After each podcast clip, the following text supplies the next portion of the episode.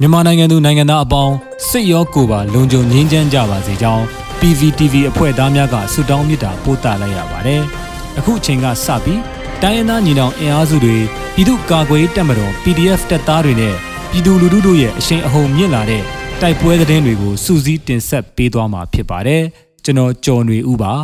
။ပထမဆုံးအနေနဲ့စကိုင်းတိုင်းနဲ့မကွေးတိုင်းဒေသတချို့မှာ PDF များကနေမြေစိုးမိုးလာပြီး ဥပဒေစိုးမိုးရေးအတွက်စတင်ဆောင်ရွက်ခဲ့တဲ့သတင်းကိုတင်ဆက်ပေးမှာပါ။စကိုင်းတိုင်းနဲ့မကွေးတိုင်းနေရာတချို့မှာပြည်သူ့ကာကွယ်ရေးတပ် PDF ကနေမြေစိုးမိုးမှုများရရှိလာပြီးဥပဒေစိုးမိုးရေးလုပ်ငန်းများဆောင်ရွက်လာကြောင်းဒေသခံများထံမှစုံစမ်းသိရှိရပါတယ်။မကွေးတိုင်းဂံကောမြို့နယ်မှာလောင်းရှည်ဒေသပြည်သူ့ကာကွယ်ရေးတပ်ဖွဲ့ LSPDF က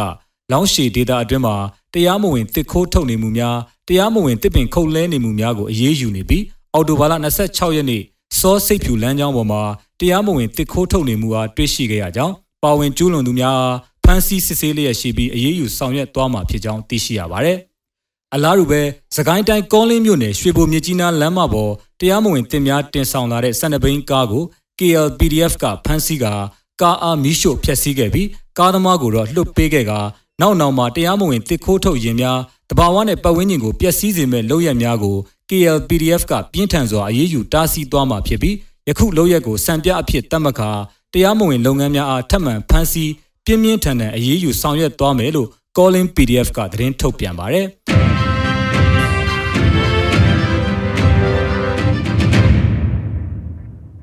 ဆက်လက်ပြီးမုံရွာမှာသခိုင်းတိုင်းဘက်ဦးတည်လာတဲ့စကစရင်နှန်းမိုင်းဆွဲခံရတဲ့တဲ့တင်ကိုတင်ဆက်ပေးမှာပါ။သခိုင်းတိုင်းဒေသကြီးမုံရွာမြို့မှာသခိုင်းဘက်သို့ဦးတည်လာတဲ့ကား73စီးပါစစ်ကောင်စီရင်နှန်းဟာ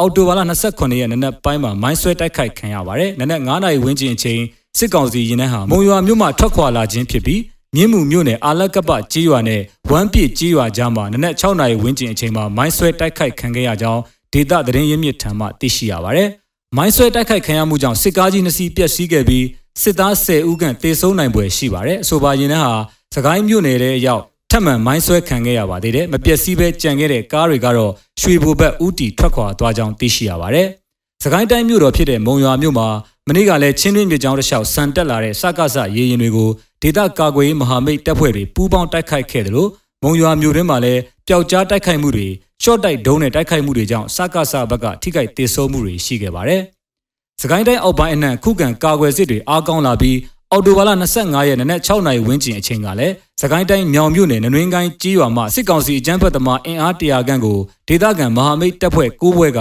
ခုခံတိုက်ခိုက်မှုများပြုလုပ်ခဲ့လို့စစ်ကောင်စီတပ်သား6ဦးသေဆုံးခဲ့ပြီးဒေသခံပြည်သူ့ကာကွယ်ရေးတပ်ဖွဲ့မှတပ်သား2ဦးကြာဆုံးခဲ့က၄ဦးမှလက်နက်ကြီးရှက်ထိမှန်၍ဒဏ်ရာများရရှိခဲ့တော်လဲအသက်အန္တရာယ်စိုးရိမ်ရခြင်းမရှိကြောင်းလည်းသိရပါဗျ။စကိုင်းတိုင်းစလင်းကြီးမြို့နယ်မှာလည်းအော်တိုဘာလ26ရက်နေ့စလင်းကြီးပြည်သူ့ကာကွယ်ရေးတပ်ဖွဲ့ SSTF နဲ့စလင်းကြီးမြို့နယ်အတွင်းရှိညီနောင်မဟာမိတ်အဖွဲ့၃ဖွဲ့ပူးပေါင်းက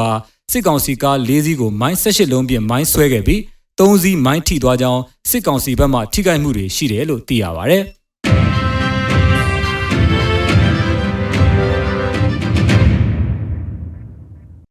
ဆက်လက်ပြီးပလောမိချောင်းတိုက်ကြီးရွာအနီး PDF ပူးပေါင်းတပ်ဖွဲ့ကနေမြေရှင်းလင်းစဉ်စစ်ကောင်စီတပ်၏တနက်၈လက်နဲ့လက်ပါစီပြူစောတိ၃ဦးကိုဖမ်းဆီးရမိတဲ့တဲ့ရင်ကိုတင်ဆက်မှာပါ။တ နင်္သာရီတိုင်းပလောမြို့နယ်မိချောင်းတိုက်ကြီးရွာနီးမှာအော်တိုဘာလ22ရက်မှ24ရက်ထိ၄ရက်အတွင်းအကြမ်းဖက်စစ်ကောင်စီတပ်နဲ့ဒေသခံ PDF ပူးပေါင်းတပ်ဖွဲ့များကြားတိုက်ပွဲများဖြစ်ပွားပြီးယမနေ့အော်တိုဘာလ26ရက်မှာပြည်သူ့ကာကွယ်တပ်ဖွဲ့များကနေမြေရှင်းလင်းစဉ်မှာစစ်ကောင်စီတပ်ရဲ့တနက်၈လက်နဲ့ကြီးစံများပိုက်ဆံအနှဲငယ်နဲ့လက်ပါစီပြူစောတိအဖွဲ့ဝင်3ဦးကိုအရှင်ဖမ်းမိကြောင်းသတင်းရရှိပါရယ်။၄ရက်အတွင်းတိုက်ပွဲများမှာအကြမ်းဖက်စစ်ကောင်စီတပ်မှအရာရှိ2ဦးပါဝင်6ဦးသေဆုံးပြီး 20ဝန်းကျင်ဒဏ်ရာရကြောင်းပလော PDF ထံမှသိရပါရယ်။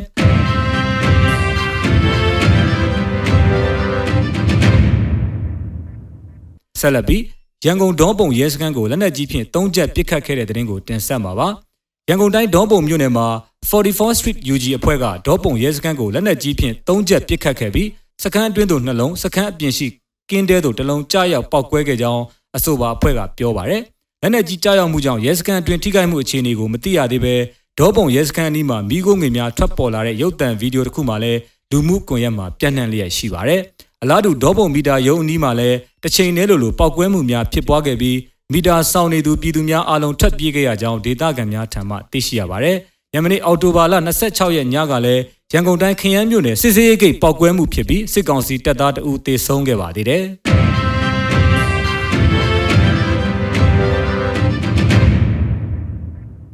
နောက်ဆုံးအနေနဲ့အမျိုးသားညီညွတ်ရေးအစိုးရပြည်ထရေးနဲ့လူဝင်မှုကြီးကြပ်ရေးဝန်ကြီးဌာနကအော်တိုဘာလ28ရက်ရက်စွဲနဲ့ထုတ်ပြန်တဲ့ပြည်သူ့ခုခံတော်လှန်စစ်တရင်ချက်လက်တွေကိုတင်ဆက်ပေးသွားမှာပါ။အာနာသိန်းကျန်းဖတ်စီအုပ်စုရဲ့ပြည်သူလူထုအပေါ်ကျန်းဖတ်ဖိနှိပ်ဖမ်းဆီးတိုက်ခိုက်တပ်ဖြတ်နေမှုများကိုပြည်သူလူထုတရက်လုံးကအသက်ရှင်တန်ရေးအတွက်မိမိကိုယ်ကိုမိမိခုခံကာကွယ်ပိုင်ခွင့်အရာပြည်သူခုခံစစ် People's Defensive War ကိုဆင်နွှဲလျက်ရှိပါတယ်။တရင်အချက်လက်များအရ26ရက်10လ2021ရက်နေ့မှာ ရန်သူစစ်ရေးပြစ်မှတ်12နေရာ